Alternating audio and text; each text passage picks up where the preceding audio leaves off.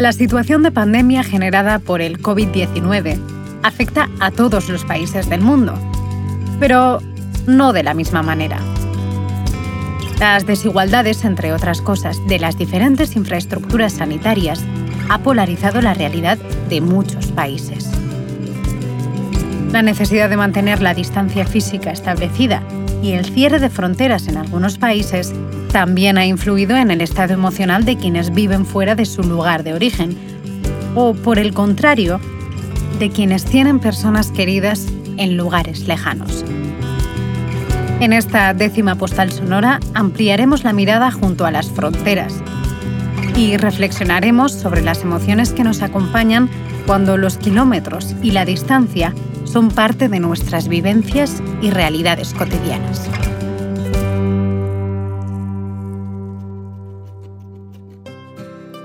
Elizabeth Guasa, Jorge Millán y Eva Salaverría. Ongi Gracias.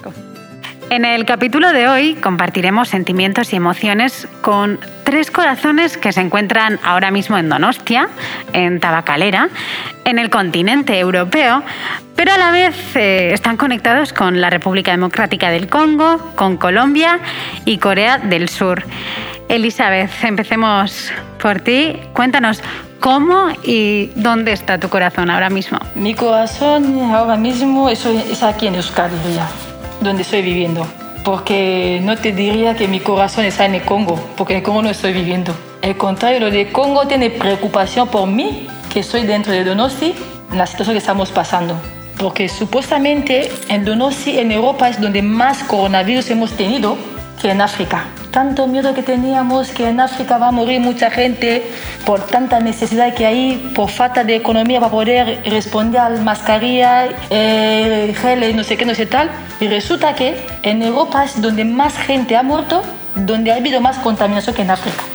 ¿Y tú te sientes preocupada? Yo me siento preocupada aquí sí, porque lo he vivido en mis propios ojos, la profesión que tengo yo también trabajando en una residencia de personas mayores y yo misma he estado afectada con la pandemia y dentro del hospital donde trabajo yo también ha habido residente que que ha muerto en la situación de pandemia, entonces y ver toda la gente que está alrededor tuyo, gente que tú conversaba con ellos día a día, gente que tú estaba con ellos te sentía más familiar, y mañana ya no está. Y eso es una preocupación para mí que día y noche como que no saber cuándo se va a acabar esa pesadilla, esa pesadilla.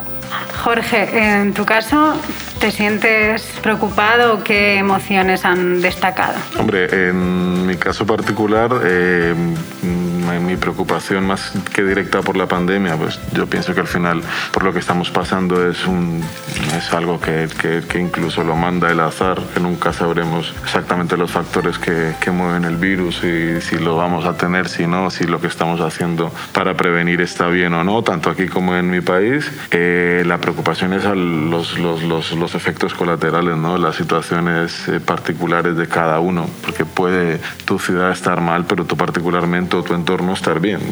Es algo que no, no una cosa no lleva a la otra. Eh, pero bueno, yo estoy preocupado por, por, por, la situación general en realidad de la ciudad. Y también ahora, claro, mis padres eh, viven en Cali, en Colombia, y la situación está ahora mismo está complicada. Hay manifestaciones, paros. Yo creo que, que eso me, casi me preocupa más que, que el tema pandemia ahora mismo. O sea, a lo que lleva esa situación de paro, de huelga y demás eh, los alimentos, eh, la falta de abastecimiento y tal, está siendo peor ahora que, que incluso en, el, origen de la pandemia cuando todos nos tuvimos que, confinar. Entonces, bueno, esa es, esa es la principal preocupación. Eva, eh, en tu caso ha sido tu hija la que te ha partido el corazón en su sentido más poético. Además, eres parte del equipo del proyecto Postales 2020 y has conocido de cerca las experiencias que hemos compartido aquí, pero al igual que a todos y a todas, eh, a ti también te ha afectado la pandemia personalmente y por eso estás hoy enfrente del micrófono. Sí, eh, a ver, eh, yo he vivido todo este año, bueno, no es una novedad, ¿no? Porque es verdad que, que, mi familia, mis hijos, yo hoy vengo como madre, ¿no? Tengo hijos que, que viven en este mundo globalizado y que a veces están cerca y otras veces están a miles y miles de kilómetros. Y en concreto cuando surgió, cuando empezó el confinamiento, mis tres hijos estaban fuera de aquí. Uno porque vive fuera en Madrid, el otro estaba de Erasmus y la tercera pues había ido hacía mes y medio a, a Seúl. Entonces, eh, sí que para mí ha sido durante todo este tiempo una experiencia ya conocida de tenerles muy lejos y cómo se vive como madre eso, ¿no? Respetando, porque en este caso se han ido porque querían irse, no se han visto obligados, respetando desde dónde quieren estar, pero sí con una, bueno, con una inquietud especial, porque en una situación tan compleja como la que hemos vivido, eh, bueno, pues esto es algo añadido, ¿no? En concreto, en Corea, Anne llegó y, y en 20 días tuvieron los primeros casos y cuando nos mandó el vídeo que, de lo que veía desde su ventana, yo no podía dar crédito. Y además es que nunca pensé que eso llegaría a, a Donosti y en tres semanas estábamos igual. Bueno, eh, nos habéis contado realidades eh, complejas. Supongo que todo esto os habrá afectado de diferente manera en diferentes puntos, en diferentes momentos, porque ha pasado ya mucho tiempo. ¿Cómo os sentís ahora mismo y cómo, ha cambiado, cómo han cambiado vuestros sentimientos durante la pandemia? Eh, yo personalmente ahora mismo lo que siento es miedo. Miedo que siento yo es que dónde vamos a acabar con esa situación y cuándo va a finalizar esa situación de pandemia. Porque valorando gente que está alrededor mías, familias, yo tengo una sobrina en China que fue a estudiar en la universidad. Ella tuvo que suspender sus estudios, regresar a casa en Congo, pagando todo el curso y no ha podido la pobre sacar el título que quería sacar y volver en Congo. En el Congo volver a matricularse de nuevo para poder estudiar lo que ella no tenía programado para su futuro. Y aquí, viendo la situación de pandemia ahora mismo, la situación de la gente fallecida ha bajado, contaminación ha bajado, pero no, no soy tan segura de la guardia que estamos llevando sobre la contaminación, a pesar que estamos desinfectando la mano con alcohol, eh, estamos eh, llevando mascarilla, pero no todo el mundo está llevando el mismo, mismo protocolo. Entonces, ahora mismo tenemos turista ya en Donosti. Estamos recibiendo visita. La gente se está despistando muchísimo de la situación y la preocupación es, y mi miedo, después de verano, ¿qué va a haber aquí en Donosti? Después de tanto fallecimiento como el Donosti en Madrid, en toda España, que era las 7 de la tarde, era como las 11 de la noche, las 12 de la noche, teníamos que salir todo por los balcones para aplaudir. Entonces yo decía, vamos a volver otra vez en esa situación. Cuando tú recibes una llamada de teléfono que una amiga de Francia ha muerto, la han enterrado de la manera que le han podido enterrar, ni han podido, ni sus familiares se han podido eh, despedirse de ella o de él, ese miedo yo lo tengo, volver a empezar de nuevo de lo que hemos tenido durante el mes de marzo del año pasado, todo agosto, cuando yo mismo estuve afectada con coronavirus, el mes de agosto. O sea, que ha sido un sentimiento que no ha desaparecido, ¿no? No, no, yo ese sentimiento para mí no, no desaparece porque yo he tenido coronavirus, sé lo que he vivido, he vivido y para mí como que he visto la muerte en mis propios ojos. Nunca he podido pasar enfermedad de esa manera que lo he pasado. Y nunca, hasta, hasta hoy mismo, no llego de entender y dame pista a mí misma dónde he podido pillar eso, en qué lugar, en ascensor, eh, en un supermercado o en el trabajo. No, o sea que todavía tengo una trauma dentro de mí, una desconfianza total hacia toda la gente que puede estar alrededor mío, no me fío ni de mí misma. Y ese miedo está dentro de mí que no sé superarlo, es muy difícil. ¿Necesitamos tiempo o yo que no ha pasado el suficiente a mí me gustaría eh, eh, Elizabeth cuando decías no porque yo también he sentido un poco eso no esa a veces no entender no porque yo cuando hablaba con con Ani con mi hija en Corea tenían muchísimos menos casos que aquí pero muchísimos menos casos que aquí y, y, y vivían con muchísimo más control más medida. Y entonces ella se enfadaba se enfadaba con nosotros mamá pero cómo podéis estar así y yo decía realmente es que no lo estaremos gestionando bien o es que allí son unos exagerados, ¿no? Entonces esa, esa dificultad de... Ayer cuando repasaba con ella, ella me decía, ¿no? Más que aquí durante meses sin salir de una... De un, porque ahí vive la gente en casas muy pequeñas, ¿no? De 15 metros cuadrados, sin salir apenas. Y, y yo veía que vosotros estabais en la playa. Entonces eso a mí me ha hecho sentir en algunos momentos... ¿Y te has sentido culpable? Sí, sí me he sentido culpable. Sí me he sentido, eh, sí, responsable, igual de igual no estar haciendo bien las cosas sí, sí me he sentido mal. Sí, bueno, al final, más o menos en la línea de lo que habéis dicho, el, el, el miedo es, es, latente. Yo tengo dos niñas pequeñas, eh, me ayudan igual un poco a evadirme de, de, de, lo, que, de lo que pasa, ¿no? Al final la situación, aparte de, de, los míos que podamos tener en cuanto a ponernos malos o algún familiar directo, eh, pues también en mi caso particular hay un, hay un miedo al, al futuro o al no futuro. O sea, eh, el confinamiento yo lo llevé a proporciones con mis hijas. Eh, mi hija entró al confinamiento con un año y salió casi con 18 meses. O sea, si lo llevamos a un adulto es como estar 6, 7, 8 años prácticamente. Fue un tercio de su vida en, encerrada en, en, casa. Tenemos suerte de vivir en una zona en, en Las Artes, una, una zona pues bastante verde, apartada, y eso nos vino muy bien. Entonces ahora la incertidumbre y es el miedo es al no futuro, ¿no? Al, al final a que los planes que tienes de vida eh, se trastoquen por, por, por, lo que comentaba Elizabeth, el, el ¿qué, ¿qué, pasa si este verano no libramos como debemos librar, qué pasa si las vacunas, pues igual en, en, en enero los primeros vacunados ya no tienen efecto o tienen que volver a vacunar.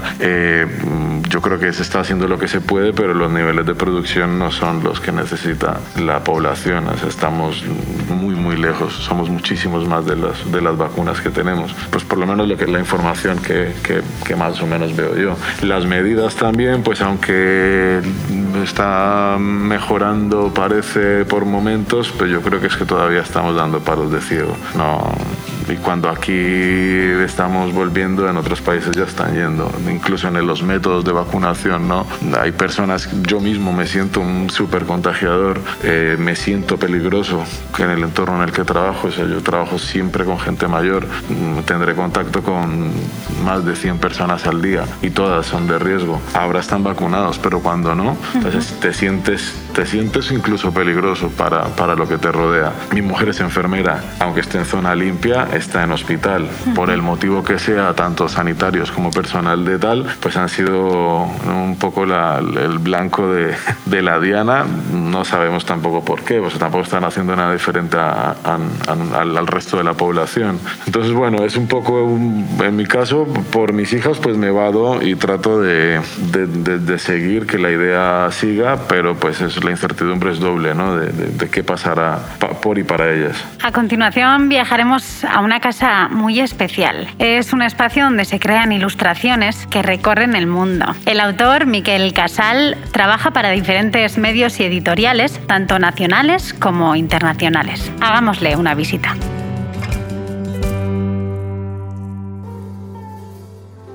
Bueno, pues estamos en el espacio en el que estamos ahora mismo sentados. Es eh, mi casa, es mi vivienda habitual, pero además es mi estudio. Es donde trabajo y donde vivo. Y el lugar del que he comentado hace poquito, que a veces hay semanas en del, eh, es un lugar del que no, ni salgo a veces, ¿no? entre el trabajo y ¿no? las ocupaciones de casa, pero, pero es un lugar agradable para vivir y para trabajar, tiene mucha luz, eh, hay un espacio natural justo enfrente de ¿no? a donde estoy ahora mirando, mucho verde, muchos árboles, bueno, eh, estoy rodeado de, de trabajos míos, de, de, obras mías y de amigos. Y no sé, y creo que tengo suerte de, de, vivir y de trabajar en un espacio como este, en una ciudad como esta además. Vives en Donosti, uh -huh. trabajas desde Donosti, desde sí. tu casa, maravillosa, por cierto. Uh -huh.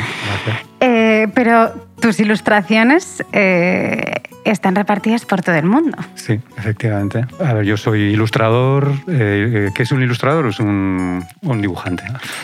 Alguien que, que, hace dibujos para distintas publicaciones. Yo me dedico a, sobre todo, trabajo para medios de prensa, revistas, pero también para editoriales, libros, etc. Y mis dibujos, sí, eh, desde hace bastantes años, por, por, circunstancias que yo casi no sabrían explicar, pues eh, se están publicando en prácticamente todo el mundo. Tengo trabajos publicados en Estados Unidos en, en Hong Kong, en, eh, Japón, en, fin. No sé, hace poco uno de los libros que he ilustrado se ha traducido al japonés, por ejemplo, o al polaco, en fin, mis trabajos están por ahí, sí, se ven en muchos sitios. La gente por ahí fuera me, me conoce, conoce mi trabajo, sí. ¿Cuál ha sido tu último proyecto internacional? Pues el último proyecto internacional es un, ha sido un libro eh, que, que, bueno, que eh, he escrito y ilustrado y que ya se ha publicado en dos idiomas y espero que haya alguno más. Así que voy a tocar madera y no voy a decir mucho, pero sí, esto es el último. Pero de todas formas, eh, cada, pues cada, cada semana o cada, no diré cada día, pero cada semana pues me llegan trabajos de, de, cualquier parte del mundo. Desde Italia. Hace poco he hecho una portada para un libro de una editorial italiana. Eh, pues hace un par de semanas he hecho unas ilustraciones para la revista de exalumnos de, de Princeton University, por ejemplo Nueva York. En fin, es mi trabajo habitual, es un poco, poco aunque este año ha cambiado un poco, pero bueno, no sé si hablaremos eh, de esto ahora, pero eh, las cosas han cambiado como para todos, ¿no? En todos los trabajos se ha visto afectado ¿no? con, con eh, esta pandemia y en mi caso no, no, ha sido distinto, claro. Cuéntanos qué es lo que ha cambiado. Bueno, en general eh, muchos proyectos se han, se han venido abajo y si no se han venido abajo eh, están ralentizados o a la espera ¿no? de, que, de que haya bueno, más movimiento, de que había mucho miedo.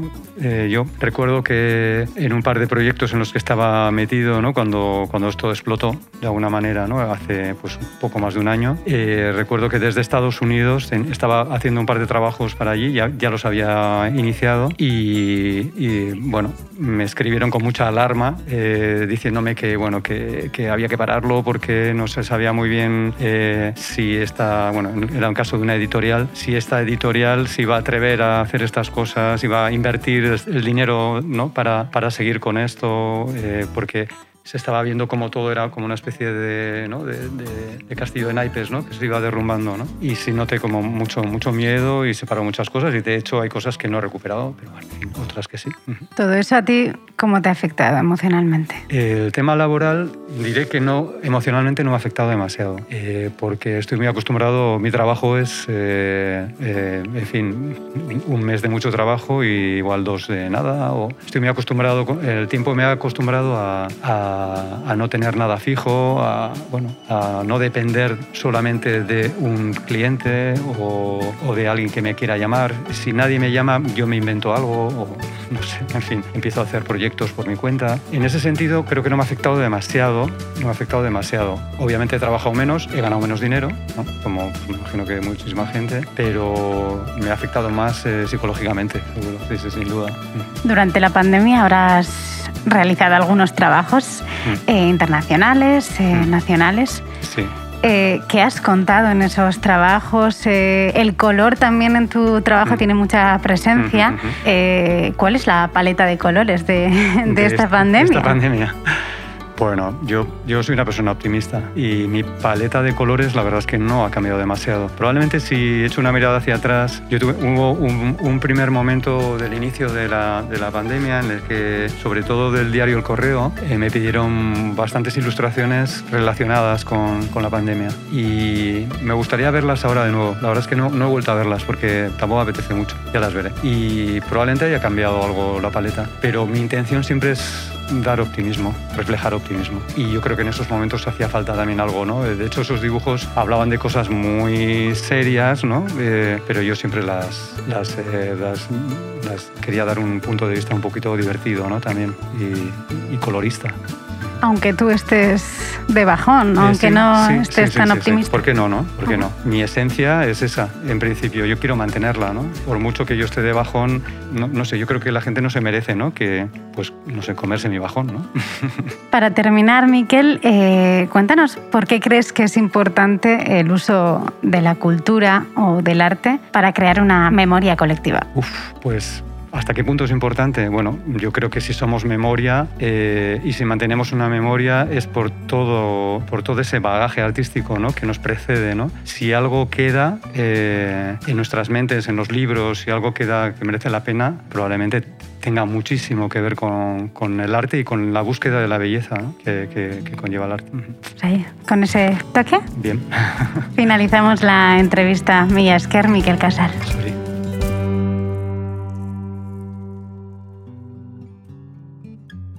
Volvemos a la conversación con Elizabeth Guasa, Jorge Millán y Eva Salaverría. Bueno, ya fijándonos más en vuestro entorno, eh, fijando la mirada desde lo colectivo, eh, ¿diríais que destaca el optimismo, como nos comentaba Miquel Casal? ¿Dónde queda el optimismo?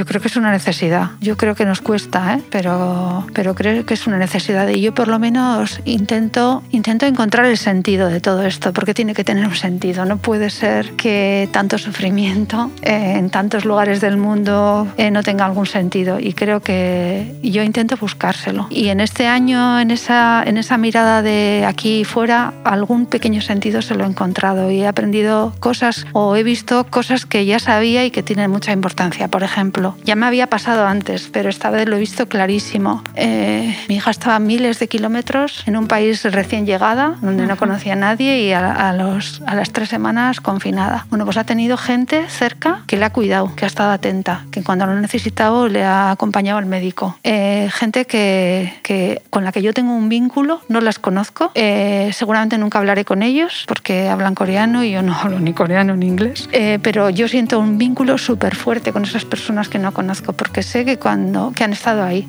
y que están ahí. Y eso me parece, bueno, intento buscar el sentido y, y en este caso, bueno, ese por ejemplo está, algunos otros más también, pero ese me parece espe especialmente importante. Sí, yo creo que optimismo tenemos que tener siempre. Eh, desde mi manera de ver las cosas, yo lo que trato es de quitar hierro, de incluso menospreciar la manera de lo que se, de lo que se puede, lo que, lo que estamos pasando. Eh, como comentaba en la entrevista anterior, Miquel, eh, la, las, si vemos todo lo, lo, que nos precede, todo lo que ha pasado el ser humano, y sin ir muy lejos, eh, te remontas a 100, 200 años, pues es muy grave, es muchísimo peor que lo que estamos viviendo ahora. Puede que sea uno de los fallos en, esta, en, en la gestión de la pandemia, pero no lo estamos viendo. Hay gente a la que le han dado un Pulitzer por enseñar fotos en otro país y si las enseña aquí, pues eh, se las vetan. Y no estamos oyendo ninguna sirena de no estamos recogiendo cadáveres fuera, nadie está muriendo de hambre,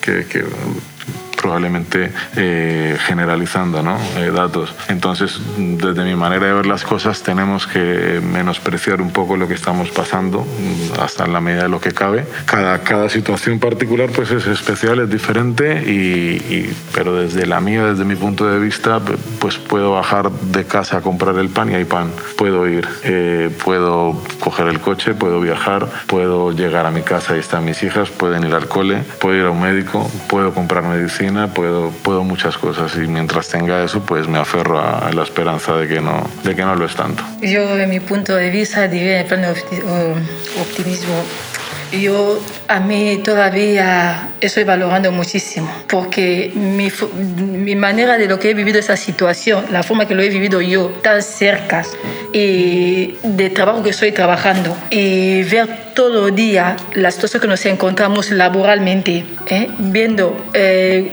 teniendo igual 60 pacientes y hasta bajar a 15 y lo hueco vacío que no se completa y te cuestiona día y noche a dónde vamos. Si no hay esa gente, no gana el jefe, yo no tengo trabajo. Por mucho que yo sea fija, pero los que no son fijos, ¿qué futuro tiene esa gente? Venía a cubrir vacaciones, venía a hacer los días sueltos y si no hay paciente, ellos no tienen nada. Y muchos empresarios hoy en día tienen miedo de contratar a la gente que viene de fuera y prefiere que los que son ahí fijas, que nos matemos con toda la cara que hay, porque están seguros de nosotros sabiendo trabajo y tener la seguridad que tiene hacia nosotros. Igual trae una persona de fuera y luego trae enfermedades, vuelve a aislar a todo el mundo y, y vuelve a contagiar a todo el mundo mundo y yo me cuestiono mucho. Que puedo ir, oye, tengo oportunidad de ir a panadería o a, supermercado para comprar y comparando las cosas que teníamos antes, estamos más encerrados que encerrados. Está bien, un respiro, pero claro, el miedo está ahí. ¿Sentís que todas estas adversidades e incluso dificultades eh, pueden servir para unir o para reforzar una comunidad? Yo me he aislado.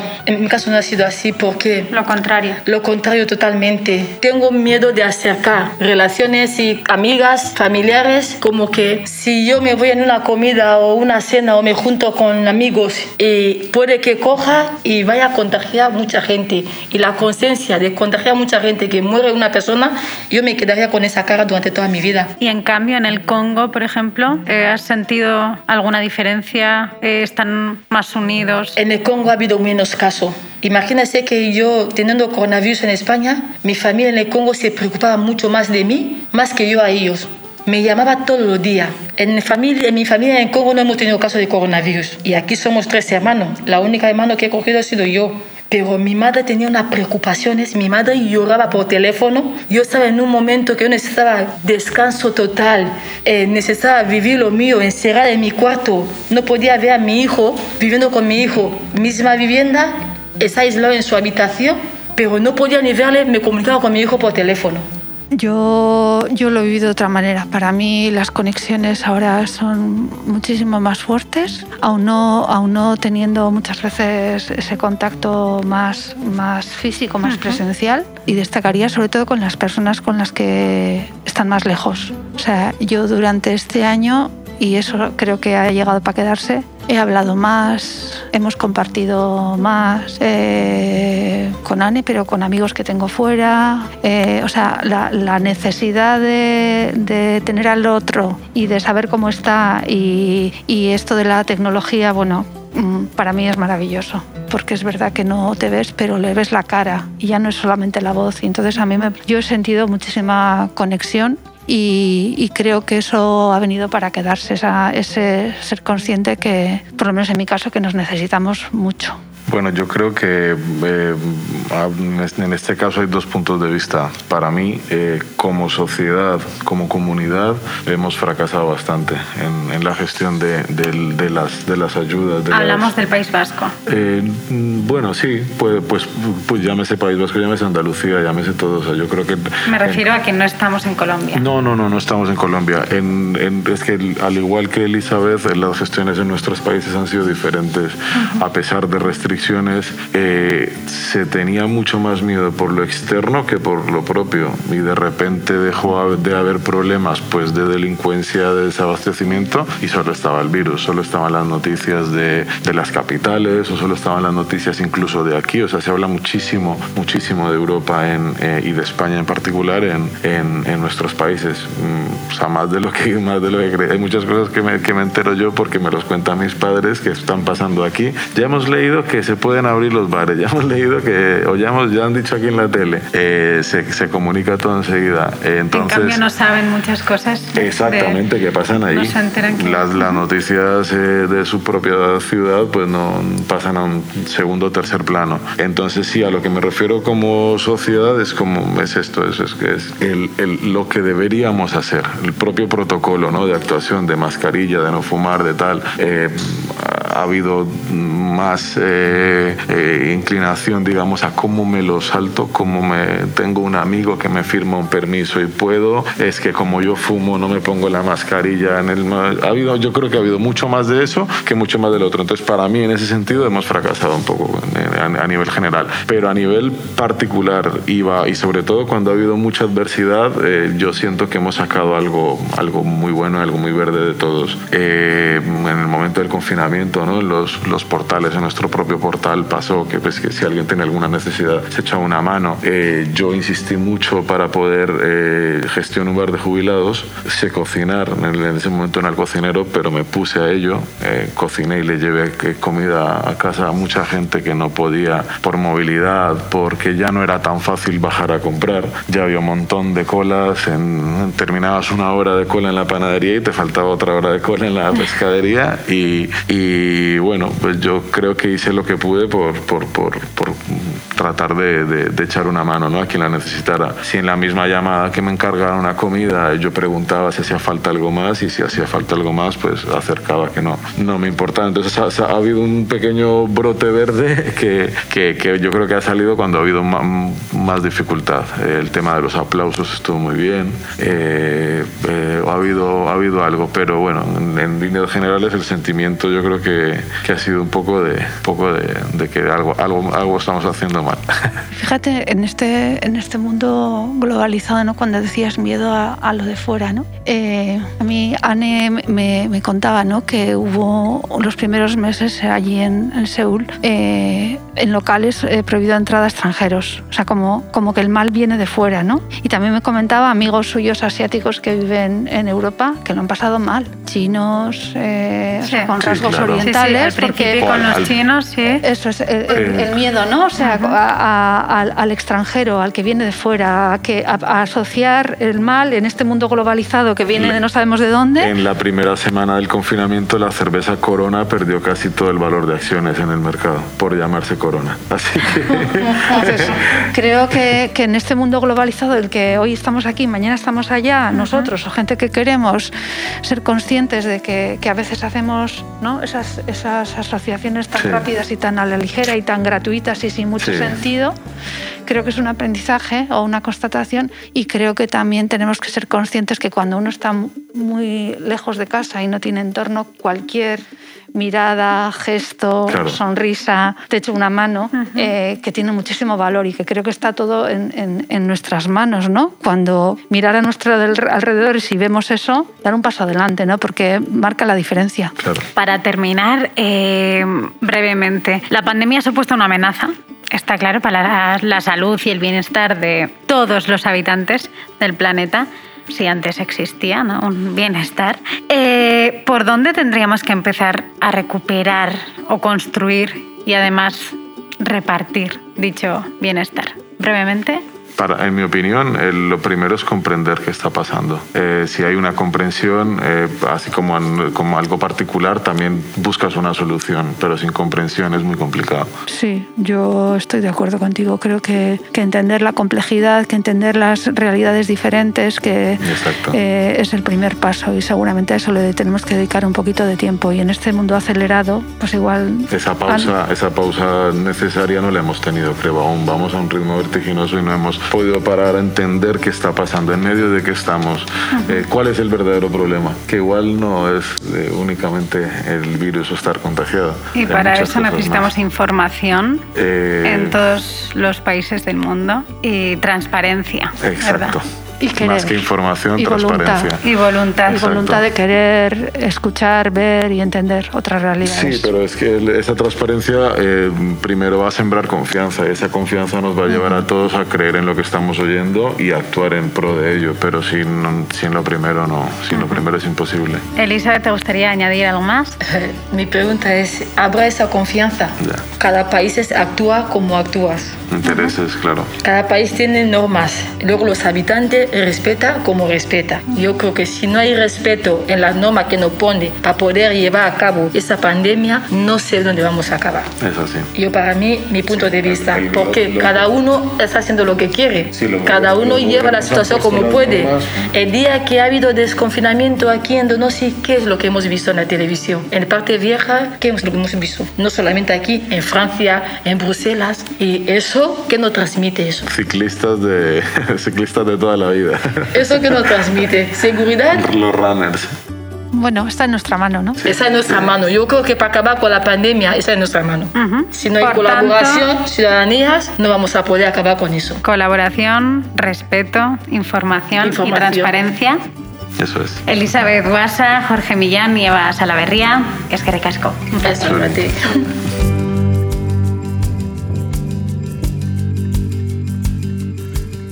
¿Y tú? ¿Cómo te sientes? Nos gustaría contar con tu participación. Pues al final de esta pandemia me siento que, bueno, que tras la limitación de libertades pues estamos bastante cansados y, y agotargados y que, bueno, que el final eh, también significa una oportunidad para, para resurgir en los próximos meses. Hola, pues yo en este momento me siento bastante tranquila, me han puesto ya una vacuna y creo que, que bueno, que da tranquilidad. Por otro lado, me parece una locura que la gente no respete ninguna norma y que se haya pensado que esto se ha acabado y que salgamos todos como locos a la calle. Pero bueno, esperemos a que esto no vuelva a repetirse y que vivamos con tranquilidad. Muchas gracias. Esperanza y certeza de que las vacunas eh, efectivamente están haciendo su labor. Necesitamos correr más y ganas de besar, de abrazar, de compartir, de celebrar todo lo que no hemos podido hacer ni estamos pudiendo celebrar estos últimos meses. Pues la pasada con mucha tristeza y la próxima pues con mucha esperanza de que se solucione el tema. Soy Beatriz, he estado dos meses acompañando a una amiga en el hospital. Mi admiración y agradecimiento a todas esas chicas muy jóvenes que nos transmiten su buen humor cada día para que todo vaya mejor. Gracias. Desde mi ventana de rejas, esas rejas que se van abriendo, que cada vez son menos tupidas, por donde entran algunos rayitos, muy tímidos, casi no se atreven ni a tocarme la mano, los ojos, el pelo, y que me hacen ver un montón de pegatinas. No me toques, no te acerques, no me beses, ni, abrazarme, bueno, mucho menos. Échate el gel, ponte la mascarilla. Cuidado, cuidado, sí, cuidado. Mientras tanto voy componiéndome las alas con pequeñas plumas, pero llenas de colores, muchos colores. No renuncio al color que es la ilusión que me ha mantenido durante un año viva. Y ahora me gustaría cerrar la persiana y abrirla y de repente ese sol que me da en la cara, poder respirar el aire, la luz, la vida.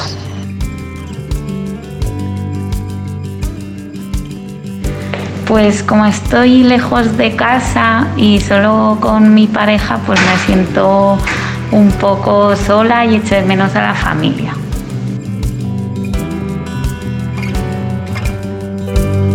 La verdad que ahora parece ser que con las vacunas y todo esto se ve un poco la luz al final del túnel y yo creo que vienen buenos tiempos ya en esta nueva situación.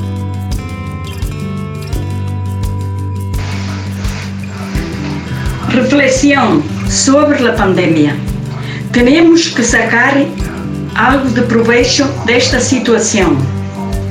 Aprender a ser responsáveis em todos os sentidos. Estamos vacunados, nos encontramos muito bem. Sempre he creído em la ciência. Gracias a todos os científicos del mundo. Es que ricasco. Agur.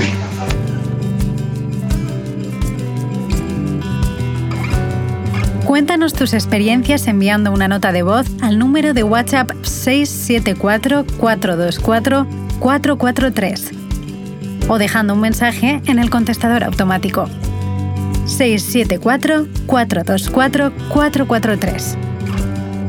Tú también formas parte de Postales Sonoras. Con este capítulo concluimos la serie de 10 postales sonoras. Desde Postales 2020 hemos querido explorar el potencial transformador que ofrece generar espacios para conversar sobre las vivencias y emociones que unas y otros estamos viviendo a consecuencia de la pandemia. Estas 10 postales sonoras han evidenciado el carrusel emocional en el que estamos insertos y lo sanador que puede resultar gestionarlo de manera activa y comunitaria. El próximo 15 de junio te esperamos aquí, en Deca y Ratia y en la web de Postales 2020 con un capítulo final. Una postal sonora que esta vez nos llegará desde el futuro, desde el año 2030.